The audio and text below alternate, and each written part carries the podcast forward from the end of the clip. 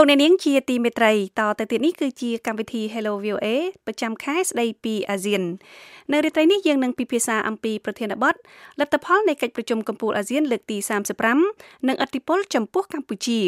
ដែលមានលោកឈៀងវណ្ណរិទ្ធប្រធានវិទ្យាស្ថានចក្ខុវិស័យអាស៊ីជាវាគ្មិនហើយក្រោយពីកម្មវិធី Hello VOA នេះលោកភីសុភាដានឹងជួនព័ត៌មានអន្តរជាតិសង្ខេបបញ្ចប់តទៅនេះនាងខ្ញុំសូមជូនកម្មវិធីនេះទៅលោកសឹងសុផាត ដែលជាអ្នកសម្របសម្រួលកម្មវិធី Hello VOA នៅរាត្រីនេះពីរាជធានីភ្នំពេញចាស់លោកសុផាតសូមអញ្ជើញចាស់បាទសូមអរគុណអ្នកស្រីពេជ្រណាបាទក៏ដូចជាសូមស្វាគមន៍ដល់ប្រិមិត្ត VOA ទាំងអស់បាទមកកាន់កម្មវិធីវេទិកាអាស៊ានប្រចាំខែកក្កដាបាទដែលកម្មវិធីជាទូទៅមាននៅរាល់ថ្ងៃប្រហោះ សប្តាហ៍ទី1ក៏ប៉ុន្តែនៅក្នុងឱកាសនេះដោយសារថ្ងៃនេះជាថ្ងៃបញ្ចប់នៃកិច្ចប្រជុំអាស៊ានបាទយើងបានលើកមកថ្ងៃច័ន្ទនេះតែម្ដងបាទហើយដែលនៅក្នុងដូច្នេះដែលនៅក្នុងរាត្រីបាទយើងពិភាក្សាពីលទ្ធផលនៃកិច្ចប្រជុំកម្ពុជាអាស៊ានលើកទី35និងអតិពលចំពោះប្រទេសកម្ពុជាបាទដោយដែលប្រិយមិត្តបានជ្រាបនៅមុននេះបាទតាមព័ត៌មានជាពិសេសជាកិច្ចសន្ទនារវាងអ្នកស្រីពេជ្រដាជាមួយលោកសុកខេមរានៅទីក្រុងបាងកក ដឹងថាកិច្ចប្រជុំនេះបាទទើបតែកិច្ចប្រជុំកម្ពុជាអាស៊ានលើកទី30ទើបតែបញ្ចប់ថ្មីថ្មីក្នុងថ្ងៃនេះតែម្ដងបាទ ដោយមានលទ្ធផលដែលអ្នកវិភាគក៏ដូចជាអ្នកយកព័ត៌មានកំពុងតែនៅតែតាមដានជាបន្តបន្តតទៅទៀតបាទហើយដោយសារព័ត៌មាននៅថ្មីថ្មីនឹងក្តៅក្តៅបាទយើងខ្ញុំក៏បានលើកប្រធានបទនេះហើយនៅក្នុងរាត្រីនេះបាទមានកិត្តិយសដែលបានលោកឈៀងវណ្ណរិទ្ធបាទលោកជាប្រធានវិទ្យាស្ថានចក្រវិស័យអាស៊ីលោកចូលរួមជាវាគ្មិនវិភាគព័ត៌មានថ្មីថ្មីចុងក្រោយតែម្ដងបាទជាមួយនឹងខ្ញុំបាទជាដំបូងនេះបាទខ្ញុំសូមជម្រាបសួរលោកឈៀងវណ្ណរិទ្ធបាទ បាទសូមជម្រាបសួរលោកសុផាតបាទបាទសូមអរគុណលោកបាទដែលបានចូលរួមពីប្រទេសហ្វីលីពីនផងបាទនៅក្នុងពេលនេះបាទហើយអរគុណចំពោះពេលវេលាបាទអឺហើយចំពោះប្រិមិត្តបាទដែលមានសំណួរចូលរួមក្នុងកម្មវិធីនេះបាទអាចទូរស័ព្ទមកលេខ012 51 51 94បាទបាទជាដំបូងលោកវណ្ណរិទ្ធនៅមុននេះលោកបាន ស្ដាប់ពីព័ត៌មានថ្មីថ្មីដែរដែលពីការអាប់ដេតផ្ដល់ព័ត៌មានថ្មីរវាងពីលោកសុកខេមរារបស់របស់ VOA ពីទីក្រុងបាងកកតែម្ដងបាទចំពោះលោកដែលបាទទើបតែកំពុងតែនៅតាមដានលទ្ធផលចុងក្រោយដែលចេញបន្តបន្ទាប់គ្នាបាទលោកចាប់អារម្មណ៍ចំណុចណាសំខាន់សំខាន់បាទតែអំពីលទ្ធផលនៃកិច្ចប្រជុំអាស៊ាននៅក្នុងឆ្នាំនេះបាទបើប្រៀបធៀបទៅនឹងឆ្នាំមុនមុនបាទអឺបញ្ហាចាប់អារម្មណ៍ក្នុងកិច្ចប្រជុំ អឺកម្ពុជាអាស៊ាននៅក្នុងឆ្នាំនេះតកតងនឹងអឺការរួបរวมគ្នាប្រឆាំងជាមួយនឹងទិដ្ឋិគំពេនិយមជាពិសេសការដកខ្លួនពីហៅថាយន្តការពហុភាគីរបស់ប្រទេសមហាអំណាចមួយចំនួនជាពិសេសសហរដ្ឋអាមេរិកនឹងតែម្ដងហើយនឹងការខិតខំប្រឹងប្រែងរបស់សមាជិកអាស៊ានដូចជាដៃគូ ពិភាក្សារបស់អាស៊ានការដៃគូពាណិជ្ជកម្មរបស់អាស៊ានទាំង6ហ្នឹងដើម្បីសម្រេចបាននៅកិច្ចព្រមព្រៀងហៅថាសេដ្ឋកិច្ចទូលំទូលាយនៅក្នុងតំបន់ហៅ OSCE នឹងតែមាន6ប្រទេសចរចាក៏ប៉ុន្តែយើងពុំទាន់បានសម្រេចនៅពេលនេះទេដោយសារតែមានបញ្ហានៅសេសសល់ខ្លះក្នុងចរចាហ្នឹងជាពិសេសសំណុំពរឬក៏ ការលើកឡើងពីប្រទេសឥណ្ឌាក្នុងការដើម្បីការពារវិស័យមួយចំនួននៅប្រទេសឥណ្ឌាអញ្ចឹងឥណ្ឌាគឺជាតួអង្គមួយស្មុគស្មាញក្នុងការចរចាដើម្បីសម្រេចក៏ប៉ុន្តែនៅមានសង្ឃឹមច្រើនអាចចុងឆ្នាំហ្នឹងឬក៏10ឆ្នាំក្រោយប្រទេសអាស៊ានទាំង10ជាមួយនឹងគូពាណិជ្ជកម្ម10ទាំងទាំង6ទៀតហ្នឹងអាចសម្រេចបាននៅកិច្ចព្រមព្រៀងហៅថាពាណិជ្ជកម្មឬក៏សេដ្ឋកិច្ចគ្រប់ជ្រុងជ្រោយនៅក្នុងតំបន់ហ្នឹង បញ្ហាទី2តកតងទៅនឹងអវត្តមានអវត្តមានរបស់ថ្នាក់ដឹកនាំកម្ពុជារបស់អាមេរិកនៅក្នុងកិច្ចប្រជុំអឺអាស៊ានសហរដ្ឋអាមេរិកក៏ជាប្រធានបទមួយគេចាប់អារម្មណ៍ច្រើនដែរដោយសារនេះគឺជាលើកទី1ហើយតែសហរដ្ឋអាមេរិកមិនបានបញ្ជូនមន្ត្រីជាន់ខ្ពស់មកចូលរួមកិច្ចប្រជុំពូលអាស៊ានសហរដ្ឋអាមេរិក ហើយវាប៉ះពាល់ទៅដល់ទូនាទីក៏ដូចជាឥទ្ធិពលរបស់អាមេរិកនៅក្នុងតំបន់ហ្នឹងដែរបានន័យថាអាមេរិកមិនអោយតម្លៃខ្ពស់ចំពោះអង្គការតំបន់មួយនេះដោយមិនបានបញ្ជូននៅមន្ត្រីជាន់ខ្ពស់ក៏តែទោះបីយ៉ាងណាក៏ដោយលោកដូណាល់ត្រាំក៏អញ្ជើញនៅថ្នាក់ដឹកនាំអាស៊ានទៅទីក្រុងវ៉ាស៊ីនតោនឬក៏ទីក្រុងណាមួយនៅសហរដ្ឋអាមេរិកតាមឆ្នាំក្រោយនេះដើម្បីធ្វើកិច្ចប្រជុំកម្ពុជាពិសេស យើងបន្តទៅទៀតពីព្រោះថ្ងៃនឹងដែរក្នុងថ្ងៃនឹងដែរក៏សហរដ្ឋអាមេរិកក៏បានចេញនៅការយុទ្ធសាស្ត្រ Indo-Pacific ក្រសួងការបរទេសរបស់អាមេរិកកំពុងតែក៏បានចេញនៅយុទ្ធសាស្ត្រ Indo-Pacific នឹងដែរដោយឲ្យតម្លៃទៅតួអង្គអាស៊ាននៅក្នុងយុទ្ធសាស្ត្ររបស់ខ្លួនក៏ប៉ុន្តែពាក្យសម្ដីហើយនឹងការធ្វើហ្នឹងវាមិនស៊ីគ្នាដោយសារតែអាចមិនបានបញ្ជូនអឺមន្ត្រីជាន់ខ្ពស់មកអាហ្នឹងធ្វើឲ្យបណ្ដាប្រទេសនៅក្នុងអាស៊ានហ្នឹងគឺមានការអន់ចិត្ត ខ្លាំងចំពោះអាមេរិកបញ្ហាទី3តងទៅនឹងសេចក្តីថ្លែងការណ៍ផ្សេងផ្សេងជាពិសេសកិច្ចប្រជុំអាស៊ានពូលអាស៊ានលើកទី35ហ្នឹងក្នុងការបង្កើតមជ្ឈមណ្ឌលដើម្បីសិក្សាពីការអភិវឌ្ឍប្រកបដោយចីរភាពហើយនឹងផ្សារភ្ជាប់អាស៊ានជាមួយនឹងអង្គការសហប្រជាជាតិដើម្បីធ្វើយ៉ាងណាសម្រេចបាននៅចាត់ទុកឯក្នុងការសម្រេចបាននៅកាយតកៈអភិវឌ្ឍប្រកបដោយចីរភាពឆ្នាំ2030 ហើយក៏មានបញ្ហាសមុទ្រចិនត្បូងបានលើកឡើងដែរតែតែបច្ចុប្បន្ននេះយើងឃើញថាមានភាពតានតឹងរវាងប្រទេសចិននិងប្រទេសវៀតណាមនៅតំបន់សមុទ្រចិនត្បូងហៅថា Bank Bank ហ្នឹងហើយក៏ជាបញ្ហាមួយគេថាកំពុងតែតាតឹងដែររវាងប្រទេសទាំងពីរហើយក៏វាប៉ះពាល់ទៅដល់បរិយាកាសនៃការចរចា COC ថាវិធាននៃប្រតិបត្តិនៅសមុទ្រចិនត្បូងនឹងដែរបាទ បាទសូមអរគុណចំពោះការសង្ខេបរបស់លោកទូទ្រោះចំពោះចំណុចសំខាន់សំខាន់មួយចំនួនដែលលោកចាប់អារម្មណ៍ពីកិច្ចប្រជុំក៏ដូចជាលទ្ធផលនៃកិច្ចប្រជុំអាស៊ានរយៈពេល5ថ្ងៃកន្លងមកនេះបាទហើយដោយសារក្នុងកម្មវិធីថ្ងៃនេះបាទយើងផ្ដោតម្យ៉ាងទៅទៅលើអតិពលនៃលទ្ធផលមួយចំនួនចំពោះប្រទេសកម្ពុជាខ្ញុំចង់យកចំណុចទាំងឡាយដែលលោកបានលើកឡើងហ្នឹងទៅ សម្រាប់ឲ្យលោកបកស្រាយជូនប្រិមិត្តចំពោះផលប៉ះពាល់ចំពោះប្រទេសកម្ពុជាតែម្ដងបាទហើយដូចលោកបានលើកមុននេះបាទអ្វីដែលគួរចាប់អារម្មណ៍មួយក្នុងឆ្នាំនេះគឺអវត្តមាននៃគណៈបតិភូជាន់ខ្ពស់សហរដ្ឋអាមេរិកគឺថាជាពិសេសគឺតំណាងរបស់សហរដ្ឋអាមេរិកដែលតាមការខ្ញុំបានបញ្ជាក់នៅមុននេះជាមួយខាងស្ថានទូតផងដែរគឺពីប្រព័ន្ធនឹងក៏ដូចជាអ្នកដែលស្និទ្ធ អ្នកបានចូលរួមកិច្ចប្រជុំដែលចិត្តដឹកនឹងកិច្ចប្រជុំនៅទីក្រុងបាងកកបានបញ្ជាក់ថាបាទគឺมันមានវត្តមាននៃមន្ត្រីដែលជាកម្រិត cabinet គឺថាកម្រិតគណៈរដ្ឋមន្ត្រីហ្នឹងបានចូលរួមក្នុងកិច្ចប្រជុំកម្ពុជាអាមេរិកអាស៊ានដែលកន្លងមកដូចថាតែងតែមានវត្តមានកម្រិតខ្ពស់ណាបាទត្រង់ចំណុចនេះបាទខ្ញុំចង់សួរលោកយ៉ាងដូចនេះបាទតកតទៅនឹងកម្ពុជាបាទយើងយើងមើលទៅថាសហរដ្ឋអាមេរិក ដូចថាมันបានបង្ហាញពីវត្តមានខ្លាំងតាមរយៈការបញ្ជូនមន្ត្រីខ្ពស់ឬដូចឬប្រធានាធិបតីមកចូលរួមក្នុងតំបន់អាស៊ានតែម្ដងក៏ប៉ុន្តែបើយើងប្រឡេកមកប្រទេសកម្ពុជាវិញក្នុងពេលថ្មីថ្មីនេះសហរដ្ឋអាមេរិកបានតែងតាំងមន្ត្រីការទូតថ្មីបាទគឺលើអាដាមឯកទូត Patrick Murphy បាទដែលត្រូវបានគេចាត់ទុកថាជាមន្ត្រីមានបទពិសោធន៍ ខ្លាំងណាស់បាទមកក្នុងប្រទេសកម្ពុជាដែលជាប្រទេសតូចណាដូដូច្នេះចំពោះលោកបកស្រាយជូនប្រិមិត្តថាយ៉ាងម៉េចបាទសហរដ្ឋអាមេរិក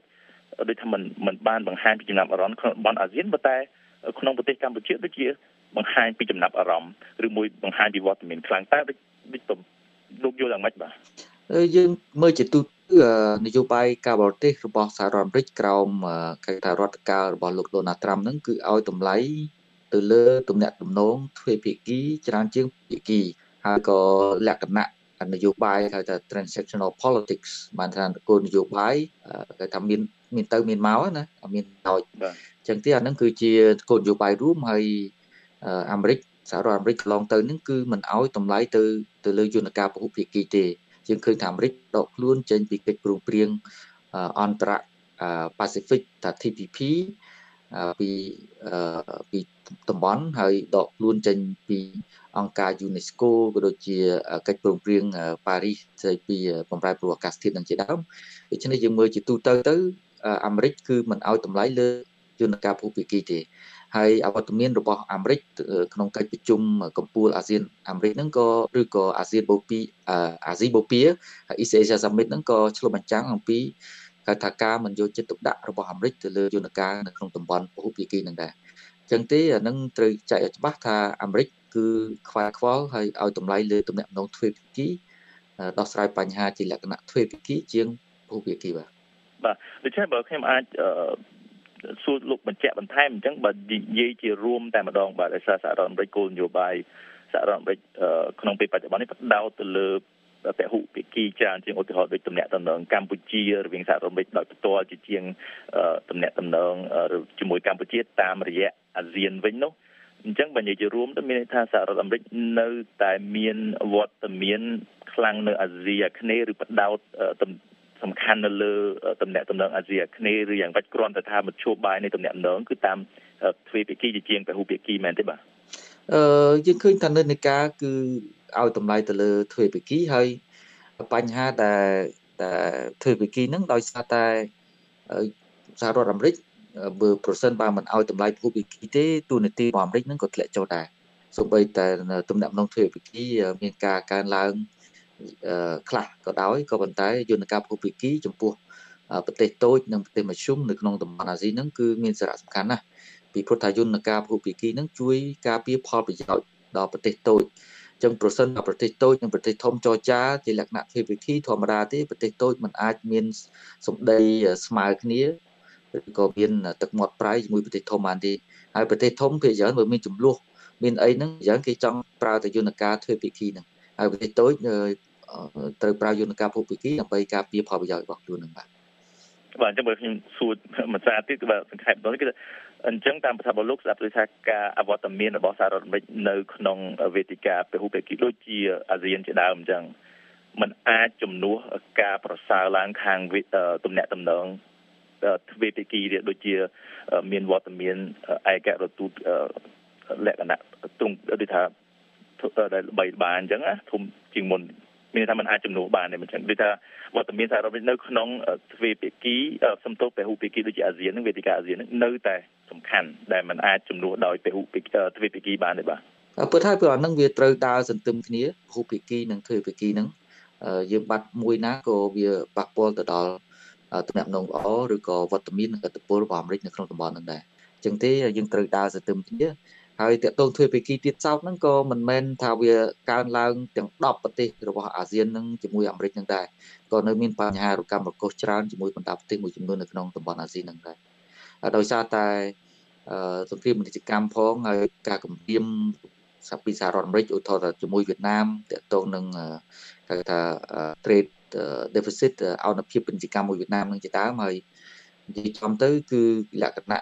transactional politics ហ្នឹងនយោបាយគេចំណេញផលប្រយោជន៍ខ្លួនឯងច្រើនរបស់អាមេរិកហ្នឹងក៏ក៏វាធ្វើឲ្យតំណែងធ្វើវិគីហ្នឹងក៏វាមិនទៅរលូនបានខ្លាំងដែរហើយអាស៊ានជាពិសេសបណ្ដាប្រទេស តូចតូចនៅក្នុងតំបន់អាស៊ីអាគ្នេយ៍ហ្នឹងគឺចង់ពង្រឹងយន្តការភូមិភាគីដើម្បីទប់នៅអំណាចមហាអំណាចកុំឲ្យមហាអំណាចហ្នឹងគាត់យកប្រទេសតូចតូចជាឈ្នន់ទាំងចិនទាំងអាមេរិកនឹងជាដើមបាទបាទ ត្រង់ត្រង់ចំណុចនេះបាទខ្ញុំសាកសួរលោកបន្ថែមអំពីកិច្ចការសន្តិសុខក៏ដូចជាកិច្ចការពាណិជ្ជកម្មក៏ដូចជាសេដ្ឋកិច្ចផងដែរនៅដែលបានត្រូវបានគេលើកឡើងនៅក្នុងកម្មកិច្ចប្រជុំអាស៊ានដែលទើបតែបញ្ចប់នៅក្នុងពេលថ្ងៃនេះតែម្ដងបាទហើយប៉ុន្តែសម្ពោះប្រិមិត្តបាទដែលទើបតែចូលរួមស្ដាប់នៅក្នុងពេលនេះបាទនេះជាការពិភាក្សាគឺជាកម្មវិធីវេទិកាអាស៊ានប្រចាំខែវិច្ឆិកា ដែលយើងខ្ញុំពិភាក្សាអំពីលទ្ធផលនៃកិច្ចប្រជុំកំពូលអាស៊ានលើកទី35ដែលទើបតែបញ្ចប់នៅក្នុងថ្ងៃនេះនិងអធិពលចំពោះប្រទេសកម្ពុជា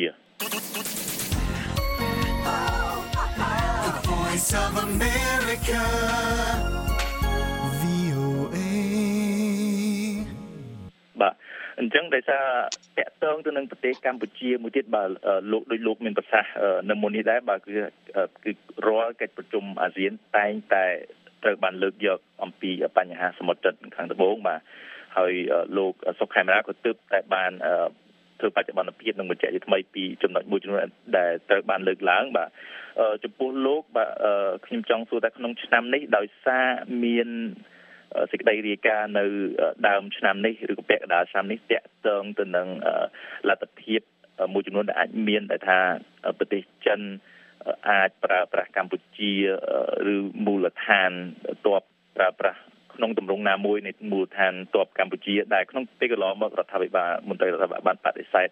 ក៏ដូចជាខាងពេគីចិនបានបដិសេធក៏ដោយប៉ុន្តែដោយសារមានព័ត៌មានក្នុងឆ្នាំនេះលោកមានបានដឹងថានៅក្នុងកិច្ចប្រជុំដែលតាក់ទងទៅនឹងមហាសមុទ្រចិនខាងត្បូងមានការលើកឡើងពីការបារម្ភតាក់ទងនឹងរឿងនេះដែរអត់បាទហើយតើវាអាចប៉ះពាល់មកចំពោះប្រទេសកម្ពុជាបាទ មិនមានការលើកឡើងណាមួយតកតងទៅនឹងពាក្យចាមរាមតែថាប្រទេសចិនចង់យកទីតាំងសមុទ្រតែថាតំបន់ coastal city ហ្នឹងទីក្រុងនៅតាមសមុទ្រហ្នឹងធ្វើជាកងទ័ពនាវារបស់ចិននោះទេនិយាយចំទៅបណ្ដាប្រទេសអាស៊ានហ្នឹងក៏គាត់យល់ច្បាស់ហើយថាមានផែនការណាមួយនៅក្នុងការ អនុញ្ញាតឲ្យកងទ័ពបរទេសហ្នឹងមកសាងសង់នៅវត្តមានកងទ័ពនៅកម្ពុជាទេហើយទី2តកតងទៅនឹងថាបរិបទនៃការប្រគល់ប្រជាអំណាចនៅក្នុងតំបន់ខ្ញុំគិតថាបណ្ដាប្រទេសនៅក្នុងតំបន់អាស៊ីអាគ្នេយ៍នេះជាពិសេសតំបន់មេគង្គហ្នឹងគឺมันអនុញ្ញាតឲ្យមានថាថា militarization ការធ្វើឲ្យតំបន់ហ្នឹងក្លាយជាតំបន់ ទ័ពនៃប្រទេសមហាអំណាចហើយយកតំបន់ហ្នឹងជាតំបន់ប្រគល់ប្រជែងទ័ពនោះទេពីព្រោះថាប្រសិនបើឧទាហរណ៍ថាចិនយកកម្ពុជាដាក់ជាកន្លែងទ័ពរបស់ខ្លួនអញ្ចឹងសហរដ្ឋអាមេរិកក៏នឹងពង្រីកនៅវត្តមានកងទ័ពរបស់ខ្លួននៅប្រទេសថៃប្រទេសវៀតណាមនិងតំបន់នឹងដែរអញ្ចឹងវាឈានទៅការប្រជែងកងទ័ពនិងប្រដាប់អាវុធមួយនៅក្នុងតំបន់ដែលអត់មានប្រទេសណានឹងបានផលប្រយោជន៍ទេអញ្ចឹងខ្ញុំគិតថាបណ្ដាប្រទេសទាំងអស់នៅក្នុងអាស៊ីអាគ្នេយ៍ហ្នឹងគឺមានភាព ប្រយោជន៍ខ្ពស់គឺមិនអោយតំបន់ហ្នឹងទៅជាតំបន់នៃការប្រគល់ប្រជែងអាវុធយុទ្ធភ័ណ្ឌឬក៏យោធារវាងប្រទេសមហាអំណាចទេបាទវាប៉ះពាល់សន្តិសុខភាពក្នុងតំបន់និងផលប្រយោជន៍ក្នុងតំបន់ហ្នឹងបាទអញ្ចឹងតាមប្រសាសន៍របស់លោកហ្នឹងគឺស្ដាប់ថាទោះបីថាដើមឆ្នាំនេះដូចថាមានព័ត៌មានលេចលឺខាងហ្នឹងដែលដូចថាធ្វើឲ្យអ្នកព័ត៌មានចាប់អារម្មណ៍យ៉ាងច្រើនហ្នឹងក៏ដោយក៏ មកដល់កិច្ចប្រជុំអាស៊ានតែម្ដង បញ្ហាសមុទ្រចិនខាងត្បូងហ្នឹងហាក់ដូចជាស្ងប់ស្ងាត់ហើយបើដូច្នេះមែនតើលោកមានការភ្ញាក់ផ្អើលទេបាទមិនខ្ញុំនិយាយខាងដើមហ្នឹងតកតងវត្តមានទ័ពបរទេសនៅកម្ពុជាសមុទ្រជើងដំបូងនៅតែជាបញ្ហារសើបមួយជាបញ្ហាក្តៅកគុកមួយនៅក្នុងគ្រប់វេទិកាអាស៊ានកន្លងទៅនេះហើយឆ្នាំហ្នឹងក៏មិនខុសប្លែកគ្នាដែរដោយសារតែមានកិច្ចពិសា យ៉ាងច្រើនដែរតកតងបញ្ហាលំហសមុទ្រសន្តិលំហសមុទ្រនៅសមុទ្រជើងត្បូងហ្នឹងក៏ប៉ុន្តែអ្វីដែលជាការវិវត្តវិជ្ជមានហ្នឹងគឺប្រទេសចិនជាមួយនឹងសមាជិក10ប្រទេសរបស់អាស៊ានហ្នឹងបានឯកភាពគ្នាទៅលើការ single draft គឺឯកសារមួយតកតងទៅនឹងការចរចាវិធានប្រតិបត្តិនៅសមុទ្រជើងត្បូង COC ហើយបើតាមប្រតិទិននៃការចរចាហ្នឹងគឺឆ្នាំមុនឆ្នាំ2021អឺ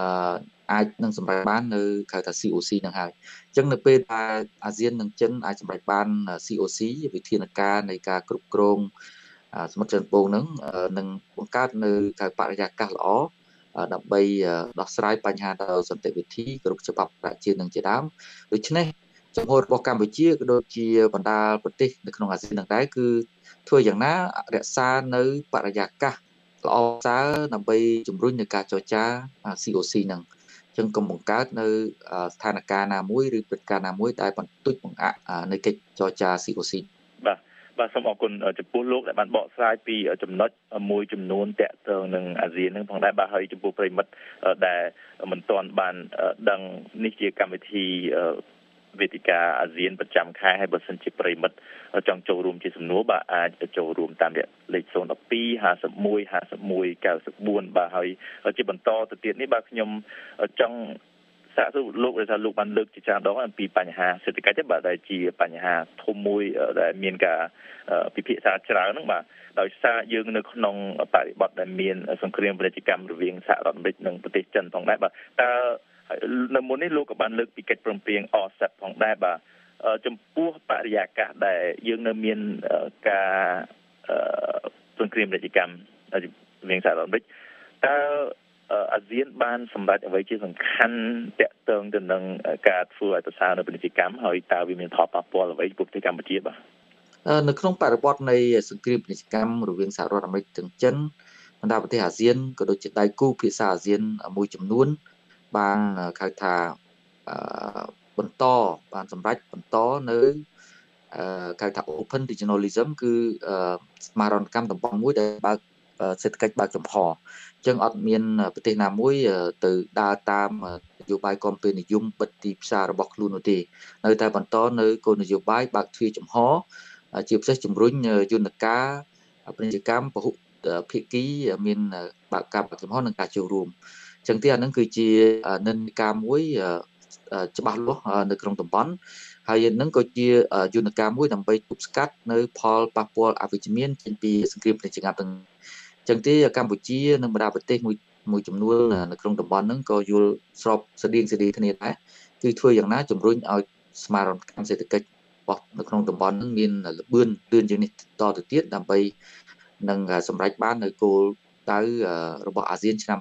2025ដូចជាតការផ្សារអាស៊ានហើយនឹងនៅក្នុងតំបន់ក៏ដូចជារវាងអាស៊ាននិងបណ្ដាប្រទេសមួយចំនួននៅក្នុងពិភពលោកនឹងដែរហើយយើងឃើញថានៅកិច្ចប្រជុំអាស៊ានហើយយើងឃើញថាភាគីទាំងពីរហ្នឹងក៏បានសម្រេចភ្ជាប់នៅ impact តាម Master Plan of ASEAN Connectivity គម្រោង ប្លង់មេការផ្សារភ្ជាប់អាស៊ានជាមួយនឹងកំណើតដូចតាមផ្លូវមួយខ្សែក្បាត់មួយរបស់ចិននឹងក៏ជារបត់ថ្មីមួយដើម្បីជំរុញនៅគេថាការធ្វើស្មារតីកម្មនៅក្នុងតំបន់ឲ្យមានការបើកចំហនិងការតភ្ជាប់នឹងបាទបាទអឺដោយសារយើងមានតែ2នាទីទៀតបាទខ្ញុំចង់សួរលោកតកតងនឹងចំណុចនេះផងដែរបាទតកតងទាំងវិស័យសេដ្ឋកិច្ចអឺផងដែរចំពោះសហរដ្ឋអាមេរិកដែលពីដើមខាងដើមយើងបានមានពិភាក្សាថាគាត់អត់សូវមានវត្តមានដែលដូចថាប៉ះពាល់ចំពោះនយោបាយ សហរដ្ឋអាមេរិកខំពេលកន្លងមកក៏អត់បានសម្រេចនៅកិច្ចព្រមព្រៀង TPP ផងដែរបាទអញ្ចឹងក្នុងពេលនេះតើសហរដ្ឋអាមេរិកបើតាមលោកមើលពីកិច្ចប្រជុំក្រោយតើនឹងអាចខាតបង់ឱកាសខាងសេដ្ឋកិច្ចនៅតំបន់អាស៊ីអាគ្នេយ៍ឬយ៉ាងណាបាទហើយនៅប្រទេសអាស៊ាននឹងមានការបារម្ភអីដែរអត់បាទចំពោះរឿងនេះការដកខ្លួនរបស់រដ្ឋអាមេរិកចេញពីយន្តការពហុភាគីនឹងបានប៉ះពាល់យ៉ាងធ្ងន់ធ្ងរទៅដល់ទូនាទីមុខមាត់ក៏ដូចជាឥទ្ធិពលរបស់ អាមេរិកលើឆាកអន្តរជាតិនេះគឺជានយោបាយខុសឆ្គងមួយរបស់លោក Donald Trump តែគាត់ទៅយកនៅគោលនយោបាយគាំពៀនិយមហើយនយោបាយថា America First អាមេរិកឲ្យផលប្រយោជន៍អាមេរិកលើកទីឲ្យខ្ពស់ជាងគេនឹងដូច្នេះនឹងគឺជាកំហុសឆ្គងហើយផលប៉ះពាល់យ៉ាងធ្ងន់ធ្ងរដល់សហរដ្ឋអាមេរិកចឹងទេដើម្បីស្ដារឡើងវិញនៅទូនាទីក៏ដូចមុខមាត់និងអធិពលរបស់សហរដ្ឋអាមេរិក សហរដ្ឋអាមេរិកត្រូវត្រឡប់មកនៅយន្តការពហុភាគីយំវិញ